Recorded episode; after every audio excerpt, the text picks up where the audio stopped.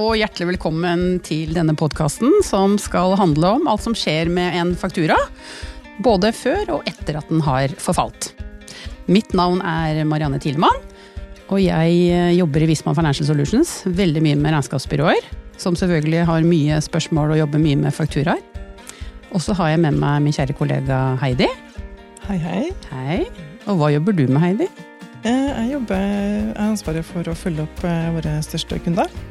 Så har jeg jobba i Visma i ganske mange år, og har bakgrunn som eh, bl.a. saksbehandler. Og har jobba en del med eh, inkassoprosesser og eh, inndriving. Ja, Mm. det stemmer. Og i denne episoden her så skal vi snakke litt om ord og uttrykk. For så vidt ikke nødvendigvis selve inkassoprosessen, men det vi kaller om førrettslige. Vi får jo mange spørsmål fra kundene våre om disse ord og uttrykkene som vi har i bransjen vår, så det håper vi at vi skal klare å, å forklare nå, da. Men aller Mm. først, Heidi, så uh, siden vi jobber med inkasso, så er jo vi underlagt Finanstilsynet. Mhm. Kan du si litt, uh, fortelle litt om det? Ja, det stemmer. Vi har et, vi har et rammeverk å forholde oss til. Vi reguleres av inkassoloven. Uh, Står under tilsyn av Finanstilsynet.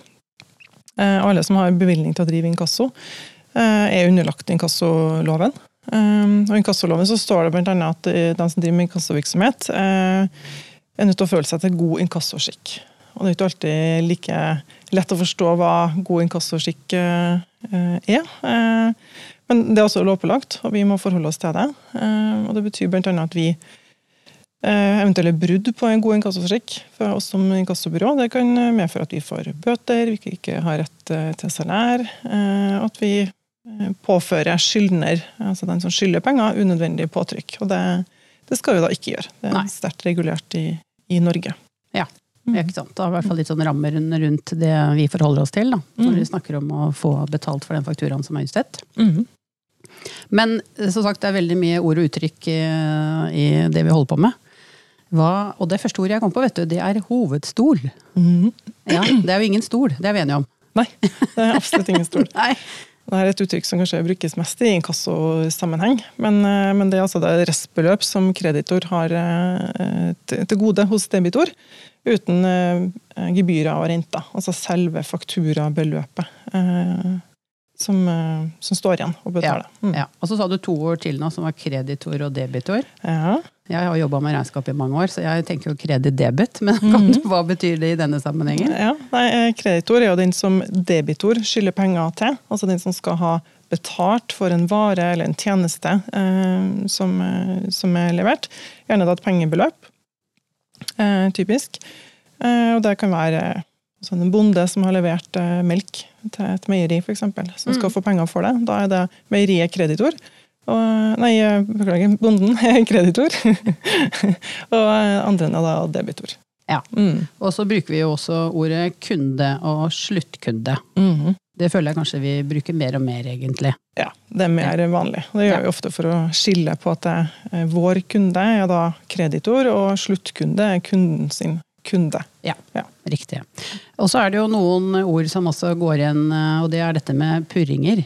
Mm. Der er det faktisk flere ord. Vi har liksom purringer, vi har betalingspåminnelse, og så har vi kanskje det ordet som mange er litt eh, redd for, det er inkassovarsel.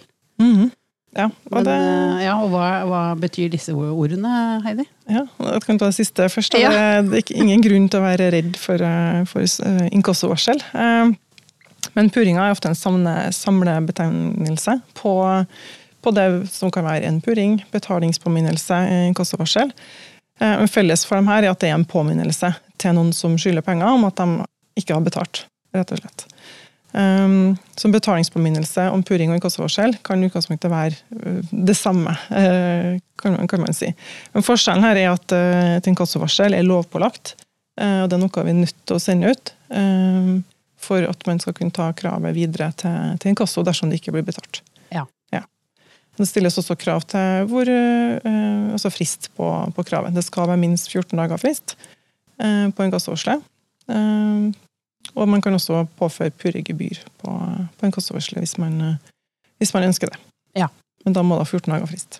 Ja. Og så er det vel sånn at eh, vi anbefaler gjerne at første purring er faktisk et inkassovarsel. Det, Ikke sant? det, det stemmer. Og så, men når du får dette inkassovarselet eller betalingspåminnelsen, så kan du få et ord som heter forsinkelsesrente. Mhm. Renter er det sikkert mange som har et forhold til, men hva betyr forsinkelsesrente?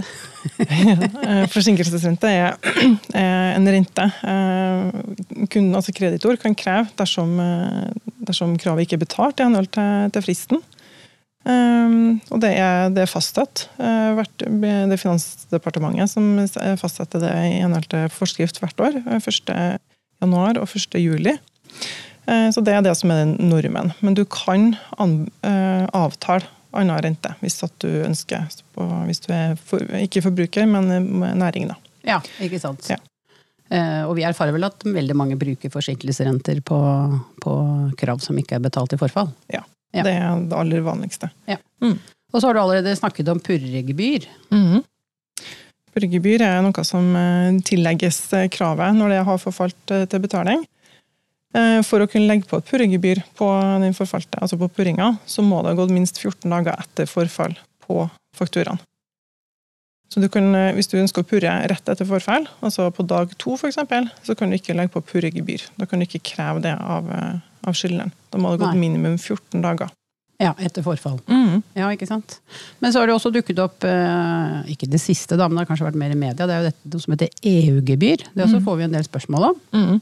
Det er jo EUs standard kompensasjonsgebyr. Ja, Ja, Fint ord. For å si det enkelt. ja. Eh, Enkelte kreditorer benytter seg av muligheten til å avkreve næringskunder, for det her er jo kun for, eh, for næring, eh, et gebyr for sen betaling, som da kalles for eh, EU-gebyr, eller eh, kompensasjonsgebyr, eh, standardkompensasjon. Det har mange, mange navn, Mm. Eh, men det er da et alternativ til purregebyr, eh, som kun kan brukes da for bedriftskunder. Ja. Eh, Beløpet her er litt høyere enn på purregebyr, eh, som var da det er 35 kroner per, per dags dato. Eh, Her er da eh, 40 euro, altså 410 kroner per dags dato. Du kan inn, inntil 410 kroner. ja, så du Ja. kan ta et lavere beløp hvis du ønsker det. Ja, Det kan du. Men det er vel også sånn at hvis du bruker EU-gebyr, så må du ha dette ganske tydelig i avtalen med kunden din, ikke sant? Ja, det, Ja. ja. Og det her fordelen, eller si, forskjellen da, fra eh, purregebyr og EU-gebyr, er at eh, her kan du påføre det rett etter forfall. Ja, du påføre. slipper å Du kan, må ikke vente 14 dager. Nei, Nei, du trenger ikke å vente 14 dager. Du kan Ja. påføre det eh, dagen etterpå. eh, Og ergo få kortere kredittid, og kanskje Ja. få inn pengene raskere også. Ja, ikke sant. Det er kanskje litt avhengig av hvilken bransje og kundesegmentet du har, om du tenker at det passer. Mm. Ja. Det stemmer. Det har vært litt uprøvd i Norge eh, hittil. Men eh, vi ser nå at det er flere som tar i bruk det, flere som er nysgjerrig på det, som vurderer å ta, og, og ønsker å bruke det. Så det er mer vanlig nå enn hva det var for fire år siden. For Ja. Ja, Mm. ikke sant. Ja. Og så er det et tema, det kan være at folk eh, vet hva det betyr, tvist og innsigelse. Det er jo Mhm. ikke noe hyggelig egentlig når du har sendt ut en faktura, og vi opplever jo ofte at det blir omtvistet, som kanskje vi bruker. Mm. Hva, hva skjer da? Nei, altså Av og til er det sånn at man ikke er enig eh, rundt, eh, rundt fakturaen. Det, Mm. det kan oppstå uenigheter. Eh, og Da er det opp til den som skylder penger, å melde innsigelse til den de skylder penger til. Eh, og Da er det viktig for uh, våre oppdragsgivere, altså kundene, her da, å ta det her på, på alvor. Um, og så er det viktig at de også vet at vi som inkassobyrå er eh, som sagt underlagt inkassoloven og, og er nødt til å drive etter god inkassoskikk. Og det er i strid med god inkassoskikk å kreve inn eh, penger eh, for et krav som er om, eh, omtvista. Ikke sant? Så der er våre hender litt, eh, litt bundet, Ja. rett og slett. Mm. Men det er i hvert fall greit å kjenne at tvist og omtvistet og innsigelse er gjerne tre ord som omhandler det samme, da. At Ja. kunden faktisk ikke er enig i kravet. Mm. Mm. Men så har vi et sånt uh, ord som heter betalingsoppfordring, og som i bransjen vår ofte blir forkorta til BOFF. ja. Og hva, hva er betalingsoppfordring for noe? Eh, Betalingsoppfordring det er det første inkassobrevet som sendes ut av inkassobyrået eh, som en del i inkassoprosessen. Og på dette brevet så påføres det også inkassosalær eh, i brevet, sammen med hovedstol og forsinkelsesrente. Eh, Betalingsoppfordringa kan tidligst sendes ut 14 dager etter eh, forfall på eh, inkassovarselet. Og det er lovpålagt brev som må sendes ut for å kunne ta, eventuelt ta kravet videre hvis det ikke blir betalt. Ja, ikke sant. Men så har du et nytt brev også, som heter varsel om Nå kom et ord som jeg sliter litt med. Tvangsfullbyrdelse. Det kan du klarer å si det litt med litt mer flyt enn meg. Ja, jeg kan prøve. Ja. Um, varsel om tvangsfullbyrdelse i henhold til tvangsfullbyrdelsesloven eh, er jo da et eh, brev som er nødt til å sendes eh, som vi er nødt til å varsle eh, sluttkunden, debitor, om at man vil tvangsfullbyrde kravet. Dvs. Si at man sender kravet videre til namsmannen for å kreve inn pengene. Eh, Ja. ja. Det, Så det er også lovpålagt, da, eller? mm, Ja, I den prosessen. Ja, så liksom både betalingsoppfordring og varsel om tvangsfullbyrdelse. Det er liksom lovpålagte brev i selve inkassoprosessen. Ja. Mm. Eh, Og så sa du jo et annet ord inni her som snakket om dette med inkassosalær. Mm. Hva er det for noe? Eh, Inkassosalær er eh, et salær som blir lagt på når kravet har gått så langt som at det går videre til, til inkasso. Um, Det er, blir lagt på på BOF, altså betalingsoppfordringsstadiet, det første brevet. Eh, Det er et salær som er regulert i forskrift i, til inkassoloven. Um, og Dette er noe som er fastsatt av myndighetene, så det er ikke noe inkassobyråene eh, regulerer eller bestemmer sjøl. Det kan være greit å ha kjennskap til. Det beregnes da til en trappetrinnsmodell eh, ut ifra beløpet på hovedstol, altså det opprinnelige kravet. da. Og Det er en totrinnsmodell som kalles for lett og tungt salær. Ja. Og så er det vel forskjell også på om det er privat eller næring, er det ikke det? Ja, stemmer. Mm. Det, næring har vel 50 høyere eh, salær enn en privat. Ja, Ja. ikke sant. Mm. Men eh, også er det et annet ord som jeg tror kanskje mange forstår hva er, men vi kan jo ta det likevel. Det er avdragsordning. Mhm.